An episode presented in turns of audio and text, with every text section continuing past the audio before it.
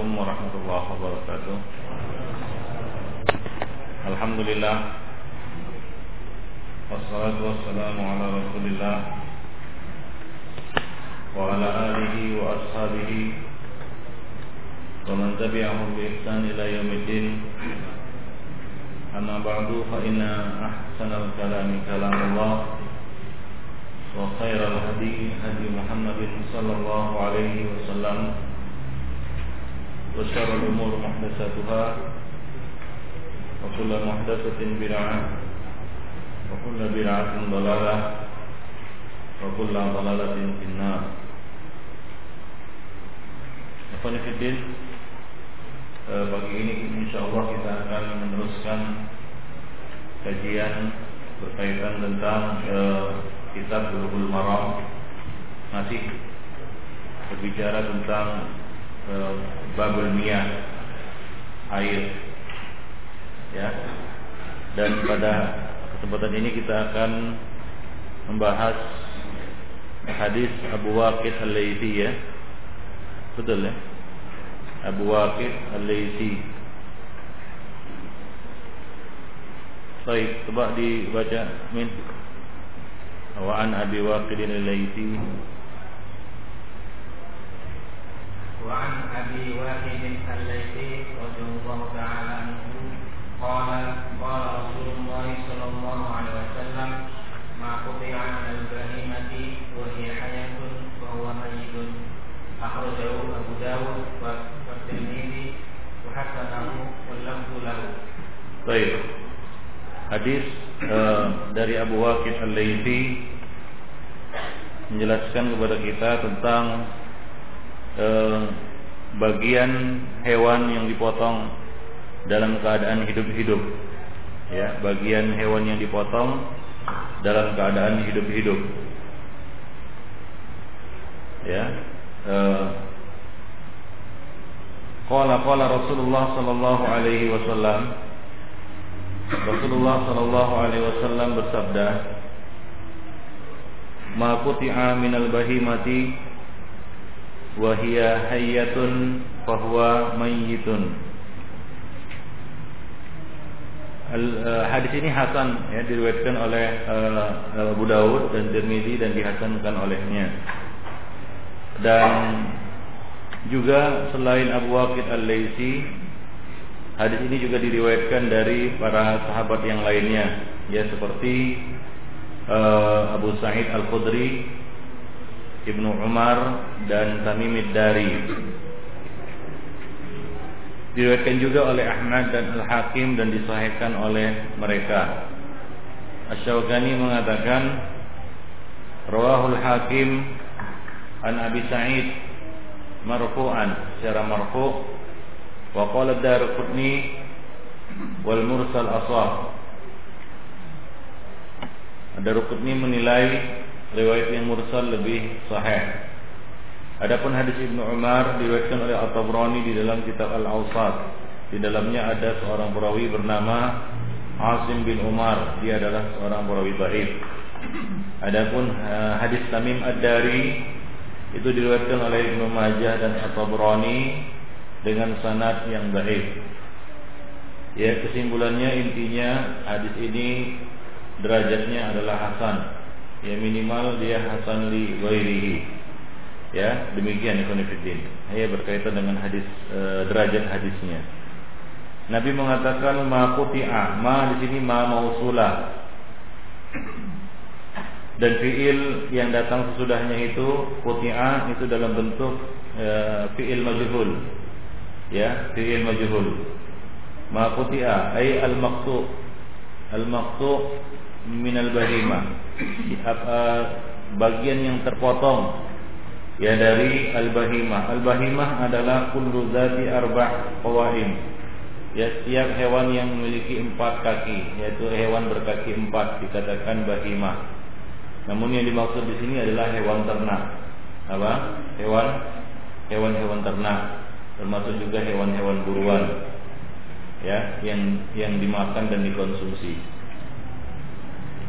ya min dawabil barri wal bahri ma ada sibah Ya dikatakan adalah setiap hewan yang berkaki empat baik itu di darat maupun di laut ya selain yang buas ya selain yang buas. Jadi hewan buas tidak dikatakan bahimah tapi uh, apa namanya hewan muftaris. Baik. Bentuk jamaknya adalah bahaim. Bentuk jamaknya adalah bahaim. Baik. Wahia mayyitah waw di sini adalah waw haliyah. Ya, yaitu walhal anna hadhil uh, uh, hayya ya waw di sini adalah waw haliyah. Ya.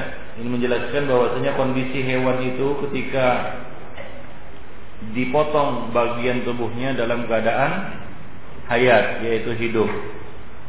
Fahuwa mayyitun maka fahuwa huwa di sini domir kembali kepada al maksud yaitu makutia Makanya dia didatangkan dalam bentuk mudakar Kembalinya kepada bahwa Yaitu hukum Hukum al-maqtu Bagian yang dipotong itu. Hukum bagian yang dipotong itu Adalah mayitun Bangkai. Ya mayitun Bangkai. Nah demikian. Jadi eh, Hadis ini Ibn Menjelaskan Ya bahwa bagian-bagian tubuh yang dipotong ya dari hewan-hewan dari hewan-hewan yang masih hidup itu hukumnya hukumnya bangkai. Nah, kalau dihukumi bangkai berarti tidak tidak halal. Karena Allah Subhanahu wa taala mengharamkan bangkai. Ya, di dalam firman Allah Subhanahu wa taala ya hurrimat alaikumul maitatu wad dan walahmul khinzir. Diharamkan atas kamu al maitah yaitu bangkai. Ya contohnya kita punya kambing lalu kita potong kakinya sebelah. Ya kita potong kakinya satu paha belakang misalnya. Dan dia dalam keadaan hidup nah eh, hewan itu ya kambing ataupun apa pun ya hewannya Ya kalau dipotong kakinya satu itu belum tentu dia mati. Jadi hidup-hidup kita potong kakinya satu itu belum tentu mati. Belum tentu dia mati. Dia hidup. Ya dia hidup. Atau ya setelah dipotong dia mati. Ya setelah dipotong hewan itu beberapa menit kemudian dia mati. Maka hukum potongan kaki ini adalah bangkai dan hewan itu mati dianggap bukan karena sembelihan dan seterusnya menjadi bangkai pula. Nah demikian. Baik. Itu kalau setelah dipotong kakinya dia mati, belum sempat disembelih. Nah, bagaimana jika setelah dipotong kakinya disembelih dia? Ya. Setelah dipotong kakinya satu, disembelih dia. Bismillah Allah Akbar, disembelih dia. Maka bagaimana hukum kambing Bagaimana hukum kambing ini? Hukum kambing ini adalah halal. Ya, tapi kakinya haram. Ya, kambingnya halal, kakinya haram. Nah demikian sanifidin. Baik, itu jika kambingnya nggak mati karena dipotong kakinya sebelah. Nah hadis ini menjelaskan hukum tersebut Ikhwanifiddin azani Allah wa iyyakum jami'an. Ya, ma minal bahimati wa hiya hayyatun fahuwa mayyitun maka dia adalah mayyit. Dia adalah bangkai. Baik. Nah, kalau dikatakan bangkai, maka haramul akli. Fahuwa najisun haramul akli. Maka dihukumi dia itu najis dan haramul akli. Haram dimakan. Ya, haram di dimakan. Dan e, apa namanya? haram digunakan, ya. Ya karena dia tergolong eh, apa namanya kita katakan bangkai. Nah, bagaimana dengan bangkai-bangkai yang halal? Ada bangkai yang halal ya. Ada bangkai yang halal. Firman Allah Subhanahu wa taala ya, dalam dalam apa namanya? dalam Al-Qur'an, "Hurrimat 'alaikumul maitatu wad-damu wa lahmul khinzir." Al-maitah, adakah al-maitah yang dikecualikan? Ya, adakah sunnah yang mengecualikan ayat ini? Hah? Ada yang mengkhususkannya? Ada. Yaitu hadis apa? Ya, itu Uhillat lana al-maitatani wad damani. Apa itu hadisnya? Ya, hadis Ibnu Umar ya. Nah demikian. Yaitu apa? Adapun dua maitah, adapun dua bangkai bangkai apa? As-samaku wal jarad, yaitu ikan dan belalang. Nah, ikan dan belalang ya, ikan kalau kita potong ya, siripnya hiu kita potong hidup-hidup dia siripnya apakah siripnya ini halal? Halal. Hah? halal. Ya kenapa? Iya bangkainya halal. Ya maka apa yang dipotong darinya tetap halal. Nah demikian. Ya seperti yang kita lihat ya sekarang ini ya di apa namanya e, di Jepang terutama di Jepang atau di orang-orang Cina orang-orang Jepang itu memburu paus atau memburu hiu itu cuma dipotong apa? Dipotong siripnya lalu dilepas lagi. Hidup hiunya kan begitu ya? Nah, diambil siripnya siripnya saja. Maka itu hukumnya halal ya. Dikatakan ammalau ubina minas samakah Wabakiyat hayah fahya fama ubina fahuwa tahirun mubah. Adapun yang dipotong dari ikan, ya, ma ubina minas samakah wabakiyat hayah dan ikan itu tetap hidup dia, tetap berenang dia, sudah dipotong siripnya. Fama ubina dan apa yang dipotong itu, bagian yang dipotong itu fahuwa tahirun. Hukumnya suci dan mubah, halal dimakan. Nah demikian Ibn Ya jadi dikecualikan juga dari hadis ini yaitu bangkai-bangkai yang halal dimakan.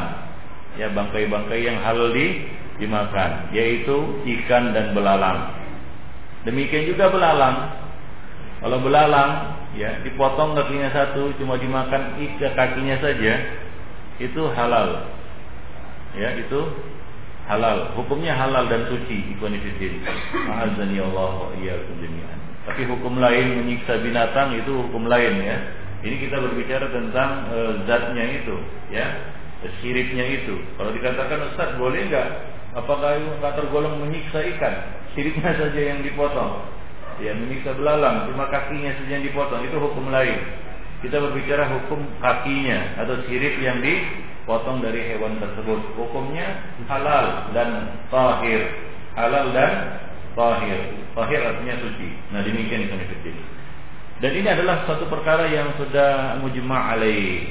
Qala Syekhul Islam Ibn Taimiyah wa hadha muttafaqun bainal ulama. Ya. Muttafaqun bainal ulama. Suatu hal yang sudah disepakati. Nah demikian. Baik. Apakah ini berlaku umum atau mutlak? Apakah hukum ini berlaku mutlak yaitu al-maqtu' minal minal bahimah bahwa fahiya fahiya uh, hayyatun fahuwa mayyit ini berlaku umum atau ada pengecualian? Ya. Saya tanya dulu. Ah. Mubarak. Hah? Berlaku umum atau ada pengecualian? Atau dikhususkan ini? Hah? Ada? Ada pengecualian. Apa yang dikecualikan? Itu sudah tadi kita jelaskan. Ya, bangkai-bangkai yang memang halal itu ya dipotong, dipotong atau diputus juga anggota tubuhnya tetap halal. Nah, sekarang di luar itu, apakah hukum ini berlaku mutlak? Umuman itu, uh, itu umum ya. Apakah ada pengkhususan di sini? Ya, apakah ada pengkhususan? Bu? Hah? Tidak ada. Tidak ada. Ada pengecualian? Hah? Hah? Kemarin belajar tafsir lupa. Hadis, ayat ini termasuk ayat yang am al-maksus dikhususkan dia jadi khususkan dengan apa? Dengan dengan ini hadis, hadis dikhususkan dengan apa? Jadi dengan al Al-Qur'an. Apa itu ayatnya?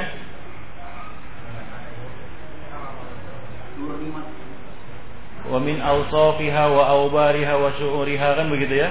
Dan bulu-bulunya, rambut-rambutnya itu halal bagi bagi kamu. Jadi al-maqtu minal bahimah itu dikhususkan dengan ayat. Nah, ini termasuk salah satu contoh ya hadis dikhususkan dengan dengan ayat.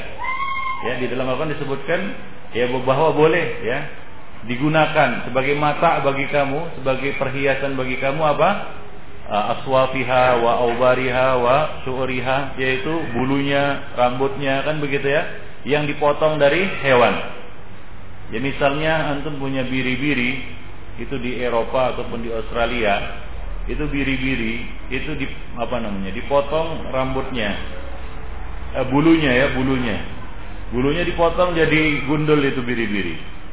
Nah, bolehkan dimanfaatkan bulunya ini? Jawabnya boleh. Karena itu dikhususkan dengan ayat. Hadis ini dikhususkan dengan ayat tersebut. Nah, ini termasuk salah satu contoh yaitu taksisu as-sunnah bi Al-Qur'an. Nah, lupa baru belajar.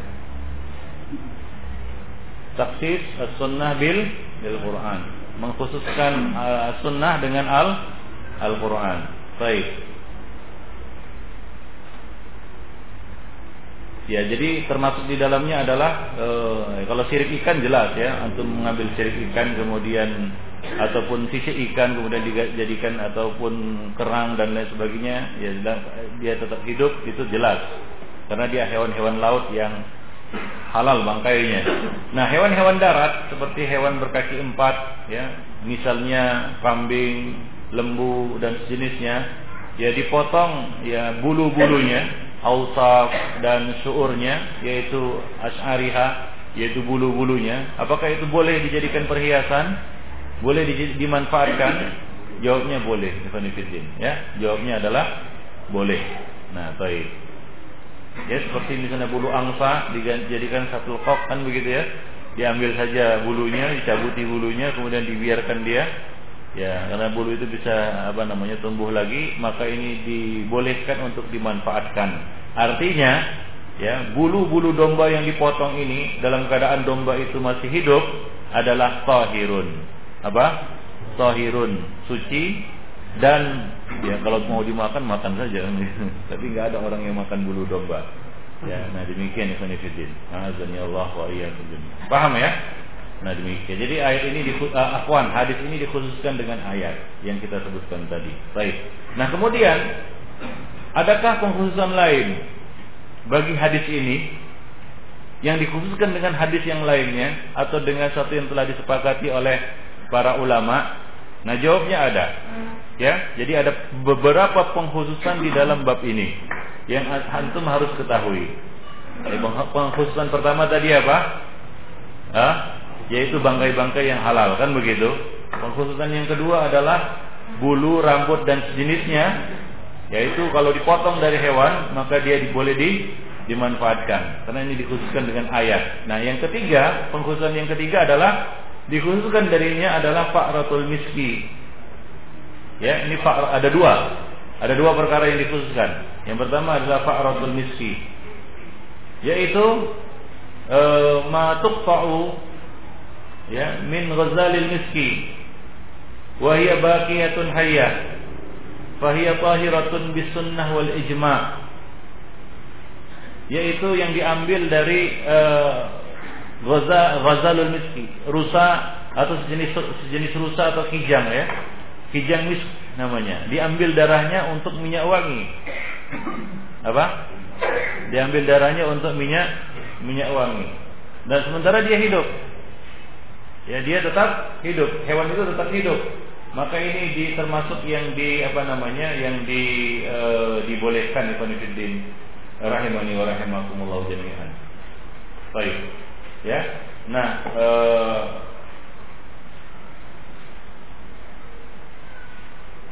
On, apa namanya rusa ini khusus ya bukan semua rusa namanya uh, ghazalul miski. Apa? Ghazalul miski Baik, oleh karena itu ada seorang penyair mengatakan, ya fa in tafukil anam wa anta minhum fa innal miska ba'du damil ghazali. Fa innal miska ba'du damil ghazali. Jadi dulu di kalangan orang-orang Arab itu sudah ma'ruf bahwa ya bisa diambil ya e, dari darah rusa itu ada beberapa jenis rusa yang namanya rusa miski yang bisa diambil darahnya dan digunakan untuk minyak minyak wangi. Nah demikian.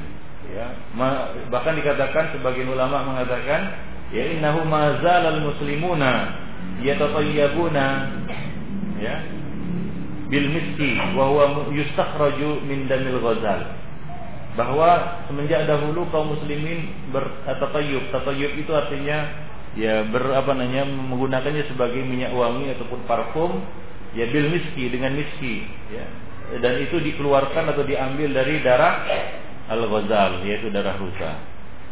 Dan rusa itu tetap hidup ikhwanifidin. Allah wa Itu yang pertama. Yang kedua yang dikhususkan dari hadis ini juga adalah at-taridah.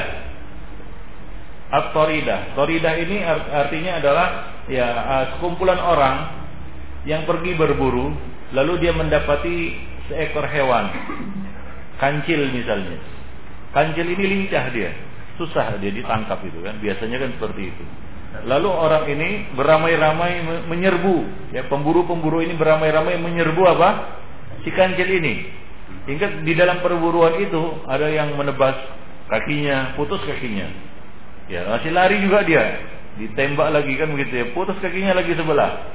Ditembak lagi sampai ya mati itu kancil kan begitu ya Nah, tentunya ya dengan bismillah kan begitu ya. Mereka berburu kan begitu. Nah, baik. Apa hukum kaki-kaki yang melayang ini sebelum kancil itu terbunuh? Sebelum kancil ini apa dapat di, di, di apa namanya? ditangkap. Hukumnya adalah tahirun wa halal. Ini namanya tarida. Apa? At-tarida. Ya, wa huwa as-sayd yaqa'u bainal qaum wala yaqdiruna ala zakatihi. Yaitu hewan buruan yang dikejar-kejar oleh uh, para pemburu ya atau orang beberapa orang yang mereka tidak mampu untuk menyembelihnya karena kelincahannya atau liar. Kan begitu ya, hewan liar di alam terbuka itu susah untuk menyembelihnya. Kan begitu ya? Nunggu nyembelih kancil ya nanti jadi apa namanya buaya dengan si kancil. Kan begitu? Nggak dapat dapat si kancilnya ya dia lolos saja nah kalau dipaksa untuk di disembelih. Nah, maka sebagian hewan buruan itu susah untuk ditaklukkan dia. Nah, terpaksalah kadang-kadang di dalam perburuan itu putus kakinya kan begitu ya, ditembak pong. Mau nembak kepala kena kena kaki kan gitu. putus kakinya kan begitu. Nah, ini halal fillah. Fayaqtau hadha minhu bi sayfi qit'ah wa yaqtau al-akhar hatta yu'ta alaihi fayamut. Ya ada yang potong kakinya, ada yang potong kena lagi apa namanya? ekornya putus ekornya kan begitu ya. Nah, apa hukum bagian-bagian tubuh yang terpotong-potong ini ya di dalam proses perburuan tadi hukumnya adalah halal. Nah, kalau antum berburu dalam kondisinya seperti itu, ya jangan dibuang itu ekornya sayang untuk disup kan enak. Sup ya, ekor kancil kan begitu. Baik, paham? Nah, demikian. Nah, ini namanya dalam istilah fikihnya apa? Autorida. Nah, demikian. Baik.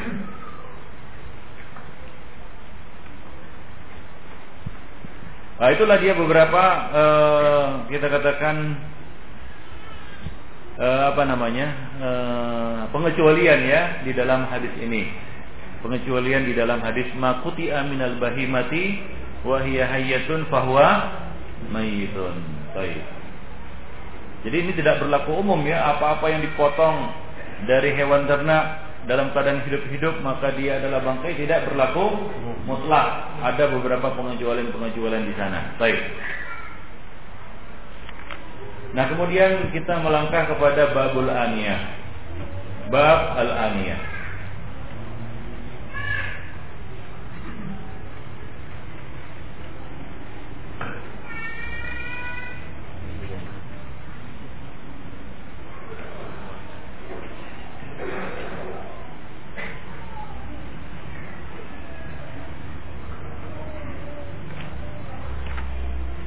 Nah, sekarang yang jadi pertanyaan, ya kita kembali kepada hadis yang tadi. Bagaimana kalau yang dipotong itu adalah bagian hewan, uh, bukan, bukan hewan, bagian manusia? Manusia Adami, Bani Adam dipotong tangannya, ya karena mencuri misalnya, dipotong tangannya. Apa hukum al-maqtu minal adami?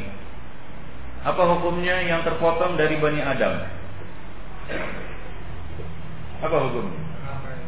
Hah? Ya? Ya?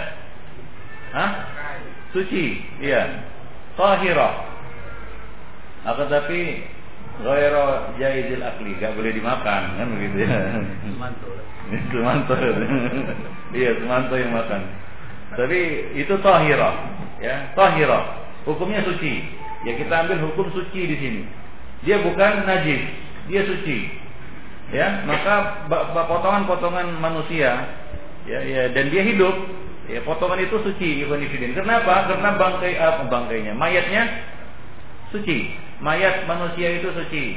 Nah demikian Ibn maka hukumnya juga yang dipotong darinya juga suci Ibn ya ya li anna maitatu li anna maitatahu tahira. Karena mayat manusia itu suci ya demikian juga wa kadzalika alal qarrajih ya man fasala bi ghairil adha wal qadar fa innahu tahir. Yang terpisah darinya selain kotoran ya kotorannya jelas kotoran kan begitu ya? Selain kotorannya maka dia dianggap juga juga suci. Misalnya putus kakinya sebelah kan begitu ya maka apa hukum potongan kakinya itu Nah diamputasi misalnya Kakinya diamputasi Kakinya itu hukumnya suci Diapakan kakinya itu? Nah, dikubur. Nah, dianggap sebagai satu benda yang harus dihormati. Nah, demikian. Bukan najis, ya bukan satu yang boleh di apa namanya dibuang di tempat sampah kan begitu. Nah, nggak boleh. Ya nggak boleh. Baik. Nah, demikian. Itu hal yang perlu diketahui berkaitan dengan hukum ini. Alhamdulillah wa iyyakum. Walaupun ya tetap hukum akalnya, hukum makannya tetap tidak boleh di, dimakan tentunya. Baik, kita melangkah ke babul aniyah. Apa maksudnya aniyah? Al aniyah adalah bentuk jamak dari ina. Ya. Menurut wazan af'ilah. Ya, af'ilah. Seperti kisah jadi afsiyah. Asalnya adalah aniyah. A'niyah. Bihamzatain. A'niyah. Ya lalu ya hamzah yang kedua A'niyah. Hamzah yang kedua diganti menjadi alif jadi a aniyah. Ya menurut wazan afila. Bentuk jamak dari apa? Ina bentuk jamak dari ina seperti kita aksiyah baik dan ina adalah infanifidin al-awiyah Ya, awiyah. Awiyah adalah wadah. Apa pun yang dikatakan wadah, maka dia adalah aniyah. Tahu wadah? Wadah adalah sesuatu yang bisa digunakan untuk menampung. Ya, sesuatu yang bisa digunakan untuk menampung dikatakan awiyah. Wi'a. Ya. Wi'a. Ya. Dikatakan wi'a. Wi'a adalah segala sesuatu wadah yang bisa digunakan untuk menampung, menampung air hujan, ya menampung air mata kan begitu ya apa pun bentuk-bentuknya yang bisa menampung wadah dikatakan a aniyah nah ya diartikan ya secara bebas ke dalam bahasa apa namanya uh, Indonesia menjadi apa be bejana ikhwanifidin Allah nah ini uh, bab ini membicarakan tentang bab bejana bejana apa saja hukum-hukum yang berkaitan dengan bejana? Baik. Hadis yang ke-14 lanjut apa?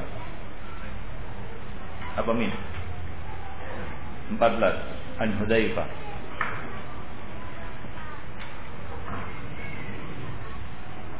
An Hudzaifah bin Rasulullah sallallahu alaihi wasallam la tashrabu fi aniyati dzahab wal fiddati wa la ta'kulu fi kihabiha fa innaha lahu fid dunya wa lakum fil akhirah muttafaqun alaih Baik, hadis muttafaqun alaih Hudzaifah Ibnul Yaman dari Hudzaifah Ibnul Yaman.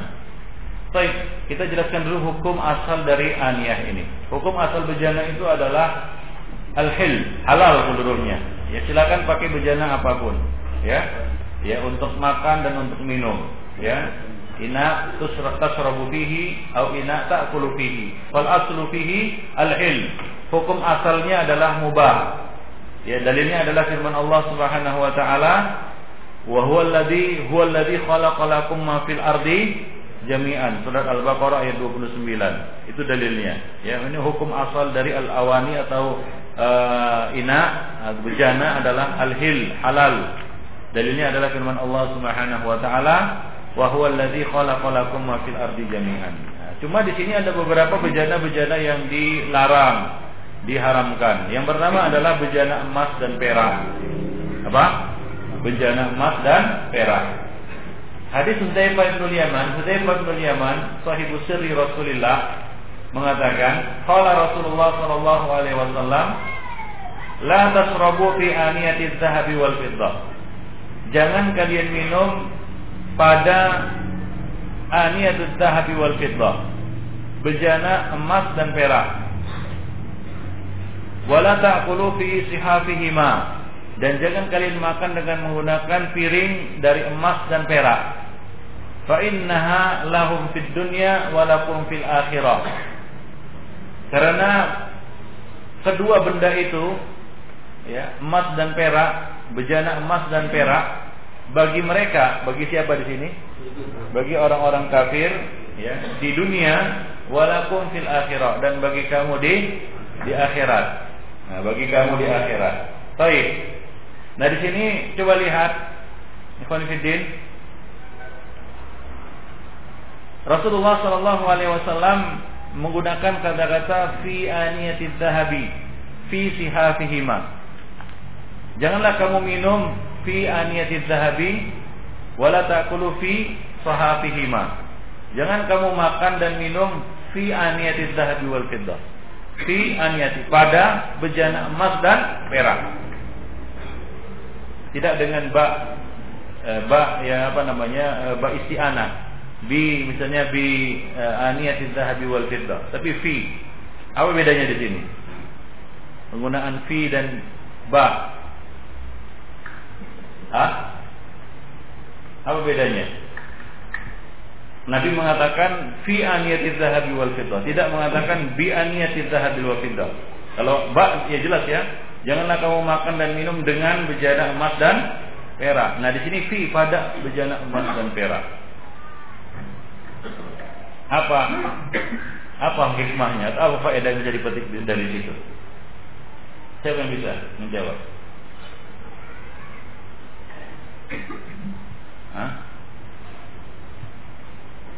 Yaitu hukum ini berlaku umum Baik bagi orang yang makan langsung dengan bejana tersebut Ya Dia makan langsung dia pakai piring itu Atau dia pakai gelas itu dia Dia minum Atau diminumkan oleh orang lain. Disulang, disulangi istilahnya. Dia tidak pakai Tapi dia diam saja. Orang lain yang menyuapkan seperti halnya para raja kan gitu kan dia nggak langsung. Kalau minum pun diminumkan gini kan gitu. Makan disulangi kan gitu. Nah ini termasuk juga hukumnya. Karena Nabi mengatakan fi aniyati zahab pada bejana emas dan dan perak walaupun tidak langsung kita gunakan kita makan dari atau minum dari bejana itu ya orang lain yang apa namanya orang lain yang menyuapkannya atau menyulanginya kepada kepada kita kita tidak pakai Ya, tetap juga berlaku hukum ini. Nah, demikian yang Fillah. Itu salah satu hikmahnya Nabi SAW mengatakan fi aniyatiz zahabi wal wal fiddah. Baik. Nah, kemudian kaidah mengatakan bahwa satu satu nas yang diucapkan oleh Rasulullah secara umum, maka itu berlaku umum untuk pria dan wanita. Untuk pria dan dan wanita. Ya, semua nas Al-Qur'an dan hadis itu berlaku umum untuk pria dan wanita kecuali ada dalil-dalil yang mengkhususkannya misalnya mengkhususkan ini untuk wanita ini untuk pria barulah ia dibawakan kepada makna khusus tersebut Tapi kalau tidak ada, maka harus dibawakan kepada makna umumnya. Jadi, ya larangan makan dan minum dengan bejana emas dan perak ini berlaku umum untuk laki-laki maupun untuk wanita. Ya, kita tahu bahwasanya emas itu dihalalkan bagi bagi wanita. Ya, perhiasan emas itu dihalalkan bagi kaum wanita, ya. Nah, dihalal diharamkan di atas kaum pria dan dihalalkan bagi kaum kaum wanita. Halal emas itu bagi kaum wanita. Ya ini jumhur ulama berpendapat seperti itu.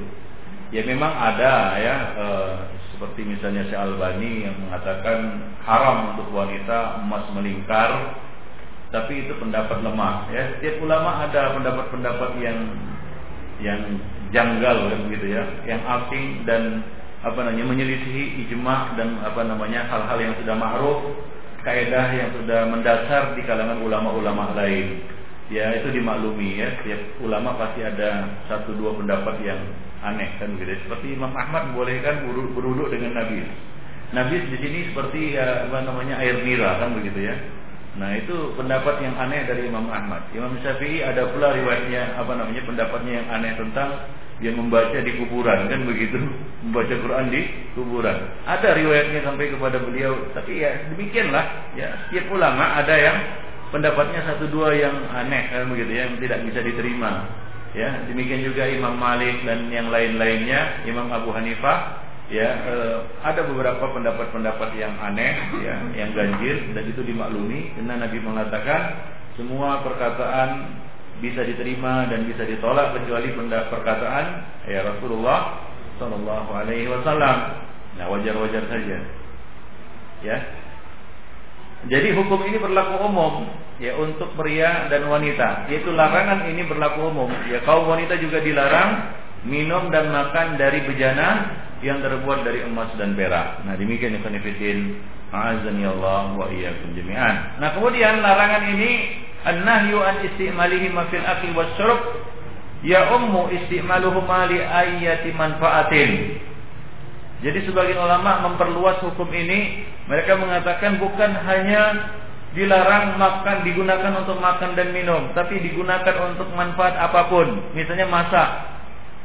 Bolehkah masak dengan kuali emas? Kualinya emas kan. Hebat sekali dia. Kualinya emas ya atau tempat potong dagingnya itu emas. Tata, tatakannya tatakannya namanya. Tatakannya emas pisaunya emas. Gitu. Ini lebih kaya daripada Sultan Brunei. Ya semuanya emas. Peralatan dapurnya semuanya emas. Boleh? Tidak boleh. Para ulama mengatakan bahwa ya faedah yang berikutnya yang bisa kita petik dari hal ini adalah an-nahyu an istimali an istimali ma fil aqli wasyurbi ya ummu ya umum. Ya hukumnya berlaku umum. Ya untuk istimaluhuma li ayati manfaatin. Untuk manfaat apa pun. Nah demikian ya benefit yaitu yang berkaitan dengan apa? Ya berkaitan dengan e, penggunaannya untuk makan dan minum. Baik. Illa ma adina fihi kecuali yang diizinkan. Ya kecuali yang di, diizinkan. Ya misalnya wanita untuk ber, perhiasan. Nah demikian. Adapun selain itu tidak boleh ya termasuk juga menggunakannya untuk uh, sebagai uh, alat-alat uh, rumah tangga. Ya misalnya ya pakai apa namanya uh, wastafel emas kan begitu ya. Nah itu tidak dibolehkan. Baik. Nah kemudian Ikhwanifidin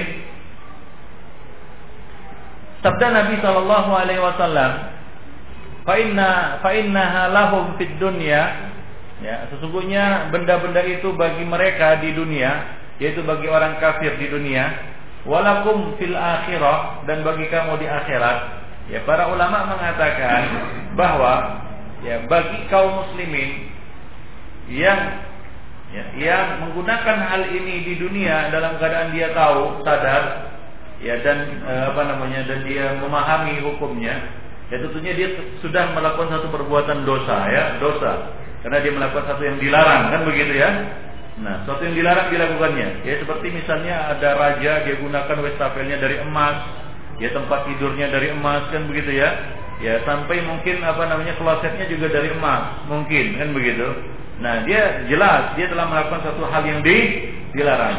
Ya kemudian apakah hukumnya hanya sebatas sampai di situ saja? Hukumnya di akhirat, ya hukumnya di dunia jelas dia harus merubah itu semua ya dan ini dia berdosa. Nah, hukumnya di akhirat ikhwanifiddin, ya, hukumnya di akhirat adalah dia tidak akan mendapatkan benda-benda itu lagi. Ya, karena Nabi mengatakan fa inna lahum fid dunya wa lakum fil akhirah. Nah, bagi kaum muslimin yang sudah memakannya ataupun menggunakannya di dunia, maka balasannya adalah dia tidak akan menggunakannya ya di akhirat nanti. Dia tidak akan menggunakannya nanti di di akhirat. Demikian juga ya hal-hal yang seperti Nabi katakan khamar, barang siapa yang minumnya di dunia, yaitu bagi orang-orang kafir di dunia dan bagi kamu nanti di akhirat. Nah, orang mukmin yang minum khamar maka dia tidak akan mencicipi khamar di di surga. Nah, demikian. Innamal jaza min jinsil amal. Nah, demikian ikhwan fillah rahimani wa rahimakumullah jami'an. Baik. Nah, bisa juga dipetik dari situ ikhwan fillah bahwa ini merupakan salah satu dalil juga ya salah satu dalil yang digunakan ulama untuk satu asal, satu kaidah asal yaitu apa? Al-amru bi mukhalafatil musyrikin. Ini satu asal yang apa wajib ya. Apa? Perintah untuk menyelisihi kaum mus musyrikin. Ya. Nabi secara umum mengatakan dalam hadis yang lain, hadis Ibnu Umar, Nabi mengatakan apa? Khalifu al-musyrikin, waffiru al-liha ya selisihilah kaum musyrikin, ya panjangkanlah atau peliharalah jenggot kamu. Nah demikian. Baik, jadi di sini ada perintah secara umum, eh khalifu al al musyrikin. Selisihilah orang-orang musyrik itu. Nah, jadi hadis ini juga menjelaskan seperti itu ya. Nabi mengatakan fa innalahum fid dunya wa lakum fil akhirah. Kita harus berbeda dengan mereka. Ya salah satunya adalah di dalam penggunaan bejana-bejana. Kita tidak menggunakan bejana emas dan perak, sementara mereka menggunakan bejana-bejana emas dan dan perak. Demikian yang benefisit. Baik. Al-An-Nawawi mengatakan, ya, in aqad al-ijma' ala tahrimil aqli wasyurbi fihima wa jami' anwa'il isti'mal fi ma'na al-aqli wasyurbi bil ijma'. An-Nawawi mengatakan menegaskan makna yang kita sebutkan tadi bahwa telah disepakati ijma ya atas pengharaman makan dan minum dengan menggunakan emas dan perak yaitu benda-benda alat-alat yang terbuat dari emas dan dan perak. Wa jami' anwa'il istimal dan seluruh jenis-jenis penggunaan pemanfaatan ya yang semakna dengan akal dan syuruk makan dan minum bil ijma juga. Nah, demikian secara ijma. Ya seperti yang kita sebutkan tadi penggunaan-penggunaan seperti digunakan untuk masak, untuk sebagai alat pemotong benda apa namanya eh, bahan-bahan dapur ataupun daging atau digunakan sendok garpu dan lain sebagainya, ya atau digunakan untuk WC, untuk wastafel dan lain sebagainya tetap diharamkan illa ma adina fihi dalil kecuali yang diizinkan oleh ad-dalil. Nah demikian ya sanifidin rahimani wa rahimakumullah. Baik, itu yang uh, hadis yang pertama ya. Hadis yang kedua lanjutkan an um an ummi salamah. Hadis berikutnya. An ummi salamah qalat qala Rasulullah sallallahu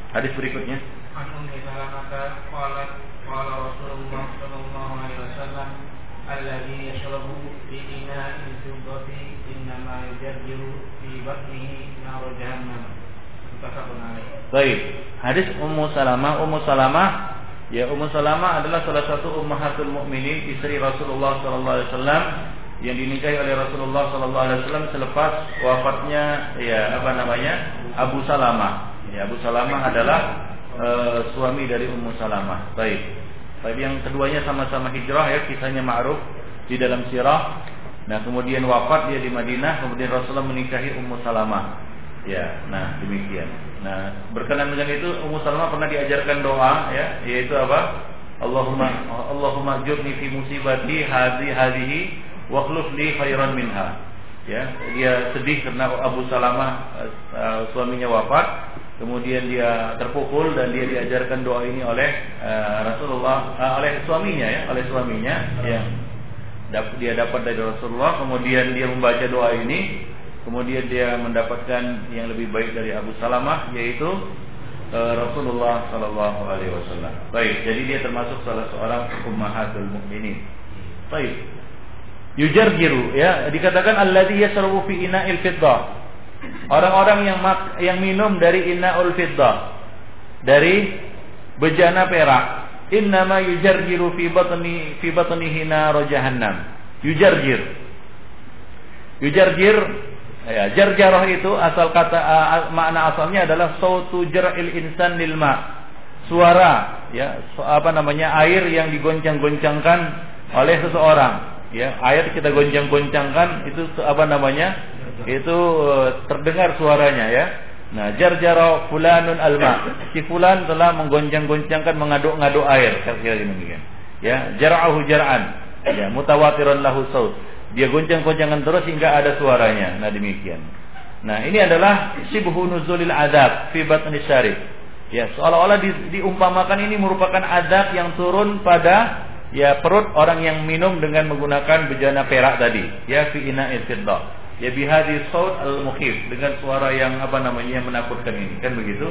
Nah seperti itu. Jadi orang yang minum dengan menggunakan bejana perak sesungguhnya dia telah menggoncang-goncangkan di dalam perutnya ya naru naru jahanam api neraka jahanam baik. Dan jahanam ini adalah salah satu nama neraka. Baik. Jadi hadis ini menjelaskan kepada kita tahrimus syurbi fi ina'il fiddah pengharaman minum dengan menggunakan inaul fiddah, bejana ataupun gelas dari perak. Ini sudah dijelaskan tadi ya. Demikian juga az-zahab fa innahu fa aula, ya. Demikian juga bejana emas dan itu lebih utama karena emas lebih berharga daripada dari perak-perak. Nah, dan nas-nas syar'i sangat banyak sekali menyebutkan seperti yang kita sebutkan tadi. Baik. Nah, sekarang wa'idus syadid ancaman yang berat yang disebutkan di dalam hadis tadi. Ya. Atas orang yang minum dengan menggunakan bejana perak. Apakah bejana emas juga mendapatkan ancaman hukuman yang sama? Karena Nabi tidak menyebutkan di situ bejana emas hanya menyebutkan bejana perak. Alladzi yasrabu fi ina'il fiddah. Ya inna ma yujarjiru fi batnihi nar jahannam. Tidak disebutkan di situ bejana emas yang jadi pertanyaan adalah apakah bejana emas juga masuk ke dalamnya? Ya. Dikatakan bahwa wa misluhu az-zahab. Sama juga halnya hukumnya ancamannya yaitu bejana emas. Bahan fa innahu aula.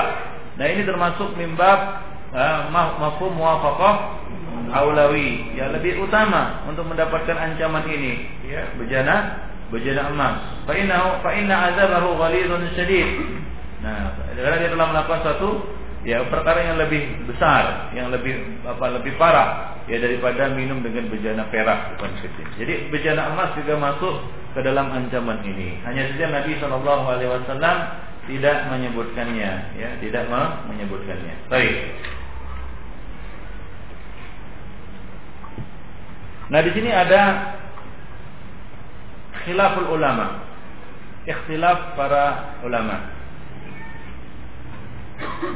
اختلف العلماء في العلة التي من أجلها حرم استعمال الذهب والفضة Para ulama berselisih pendapat tentang ilat. Ilat adalah alasan hukum hmm, pengharaman penggunaan emas dan perak, bejana emas dan perak. Faqala ba'duhum sebagian mengatakan alasannya adalah al-khuyala, yaitu kesombongan.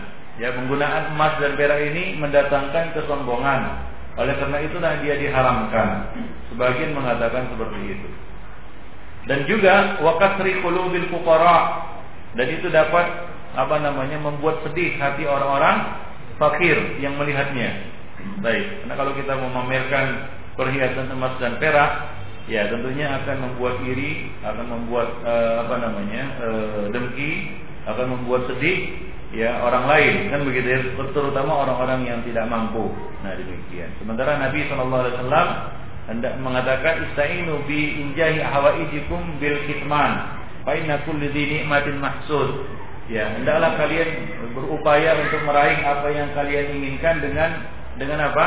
Dengan al kitman dengan menyembunyikan nikmat. Kenapa? Karena seba, uh, kebanyakannya orang-orang yang di, diberi nikmat itu banyak yang hasad kepadanya Nah, jadi ya per, apa namanya? kemewahan atau kemegahan itu kalau bisa jangan dipamerkan.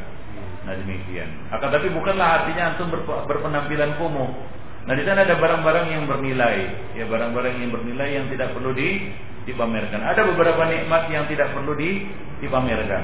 Ada beberapa nikmat yang tidak perlu dipamerkan. Dan ada juga yang nggak bisa tidak ya harus dipakai. Misalnya antum ke masjid tidak mungkin dengan pakaian yang kumuh. Ya kemudian mengatakan aku punya pakaian yang bagus, aku simpan di rumah.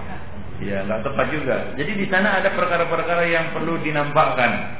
Ya, karena Allah suka melihat asar nikmati ala abdihi.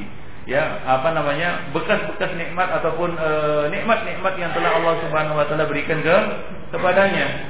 Ya. Dan itu tidak bertentangan dengan hadis yang kita bacakan tadi. Ya.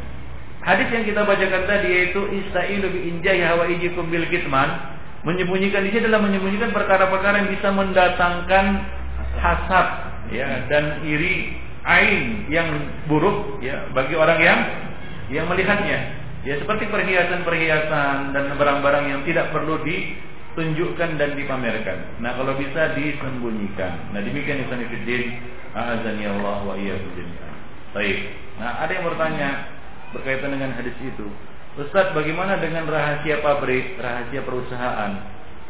Apakah perlu kita umbar rahasia bisnis kita, ya rahasia perusahaan kita kepada orang lain, hingga orang lain tahu semuanya? Ya, apakah hadis ini bisa digunakan sebagai dalil bahwasanya boleh menyembunyikan sebagian rahasia keberhasilan dan kesuksesan kita di dalam urusan-urusan duniawi ya, bukan urusan-urusan ukhrawi. Boleh. Boleh menyembunyikan rahasia perusahaan Ya, resep misalnya, itu punya punya apa namanya? punya rumah makan. Tentunya punya apa namanya? punya resep rahasia kan begitu ya. Ya nggak mungkin antum punya rumah makan kemudian di depannya ditulis resepnya begini begini begini begini ya besok besoknya ya sudah samping kanan samping kiri muncul juga yang sama kan begitu. Jadi ada beberapa hal yang perlu di dirahasiakan ya di dalam urusan-urusan duniawi ya itu untuk kemaslahatan kita dan untuk kemaslahatan yang yang lain. Nah demikian Ibn Fiddin. Azani Allah wa iyyakum. Jadi tidak semua hal perlu diumbar. Ya, terutama hal-hal yang berkaitan dengan kemegahan atau satu yang ya, namanya ya kemewahan itu tidak perlu dipertontonkan. Ya, seperti perhiasan-perhiasan. Baik. Nah, itu sebagian ulama berpendapat seperti itu bahwa ilahnya adalah kuyala dan kasrukulu bil fuqara bahwa penggunaan emas itu akan mendatangkan kesombongan dan dapat membuat sedih hati orang-orang fakir. Wa qala ba'duhum sebagian mengatakan wa huwa hadapun tarbawiyun akhlaki. Ya, sebagian mengatakan bahwa ini tujuannya adalah untuk tarbawiyun akhlaki, untuk tarbiyah akhlak. Wa Islam yasunul muslim an anil inhilal wa taraf al-mufsidin. Karena Islam menjaga orang-orang orang-orang yang ber, apa namanya orang-orang orang-orang muslim atau umat Islam atau umatnya dari al-inhilal wa taraf. Ya dari apa namanya pergeseran nilai dan apa namanya yang terjadi pada orang-orang yang apa namanya mufsidin. Orang-orang yang merusak eh, apa orang-orang yang rusak. Ya, orang-orang yang apa namanya penguasa dan apa namanya orang-orang kaya yang yang hancur kan begitu ya yang mereka mempertontonkan kemegahannya, mempertontonkan kemewahannya, hingga akhirnya mereka menjadi orang yang sombong kan begitu ya? Jadi orang yang angkuh dan orang yang takabur. Sebagian mengatakan ilatnya adalah itu. Baik. Wa qala ba'duhum sebagian mengatakan ilahnya adalah kaunuhu manaqdain. Karena keduanya digunakan untuk sebagai alat tukar. Ya, sebagai alat alat tukar. Ya dulu alat tukarnya adalah dinar dan dan dirham, yaitu emas dan dan perak. Nah, kalau keduanya digunakan sebagai apa namanya barang-barang untuk makan dan minum ini semacam penghinaan, kan begitu ya? Sama antum menggunakan antum klip-klip uang seratus ribu seratus ribu, ya digunakan sebagai apa? Sebagai uh, apa? Untuk membungkus nasi nasi goreng kan begitu? Wah ini hebat kan? Bungkus nasi goreng aja pakai uang uang seratus ribu kan begitu di klip-klip jadi satu kan gitu. Nah, itu kan termasuk apa? Ya nggak nggak layak. Nah demikian juga penggunaan emas untuk apa? Untuk bejana. Itu nggak layak emas dan perak. Karena dia adalah anak dain. Ya alat tukar yang berharga di kalangan manu, manusia. Ya sama antum menggunakan perhiasan apa namanya menggunakan ya manik-manik baju antum dari apa duit kan begitu ya. Nah itu juga tidak etis terlihat kan begitu. Nah demikian. Baik Nah, sebagian mengatakan ilahnya adalah seperti itu. Baik. Maka tidak layak dia digunakan sebagai alat untuk makan dan minum. Baik, Ibnu Qayyim mengatakan al-illah fi istimalihima ya, illat larangan penggunaan keduanya adalah ma yasibul qalb minal hay'ah wal halah al-munafiyah lil ubudiyah. Karena hal itu akan menyebabkan ya hati kita ya kondisi kita, jiwa kita ya bertentangan dengan apa? Dengan kondisi ubudiyah. Ya, ketundukan dan ya kekhusyukan. Ya, penggunaan barang-barang seperti itu akan merusak hati, kira-kira demikian. Hati pemakainya. Ya, akan merusak hati pemakainya. Ya, dia tidak akan khusyuk dan tunduk, tidak akan apa namanya e, melepaskan sifat-sifat buruknya. Nah, demikian. Oleh karena itulah Nabi Shallallahu Alaihi Wasallam menyebutkan uh, menyebutkan ya bi annaha lil kafir fid dunya ya walakum fil akhirah. Karena itu untuk orang kafir di dunia, orang kafir tidak perlu tunduk untuk ibadah. Sementara orang muslim ya perlu dia untuk tunduk hatinya dan jiwanya, perasaannya, pikirannya untuk i, ibadah. Nah demikian. Jadi hal ini dapat mengganggu ibadah mereka. Oleh karena itulah dia dilarang.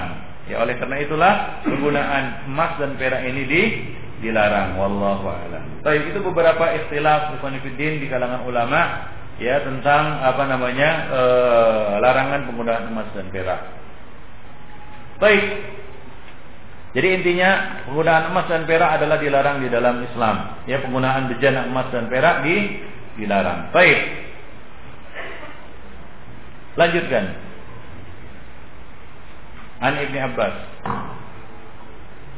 Wa an Ibni Abbas radhiyallahu anhu qala qala Rasulullah sallallahu alaihi wasallam idza idza zubira al-ihabu faqad tawra akhrajahu Muslim wa indal arba'ati ayyuma ihabin Baik, baik. Ya sudah ini panjang masalahnya nanti akan kita uh, lanjutkan ya. Karena berkaitan dengan hadis yang berikutnya itu hadis Salamah ibn uh, Muhabbis dan uh, hadis Maimunah. Baik, kita cukupkan sampai di sini apa namanya tentang bulughul maram ya. Sampai hadis berapa? Hadis ya bermacam-macam penomborannya berbeda-beda ya. ya. Karena banyak naskah. Hadis hadis apa tadi yang terakhir? Hadis Ummu Salamah. Berikutnya nanti hadis Ibnu Abbas radhiyallahu anhu. Baik.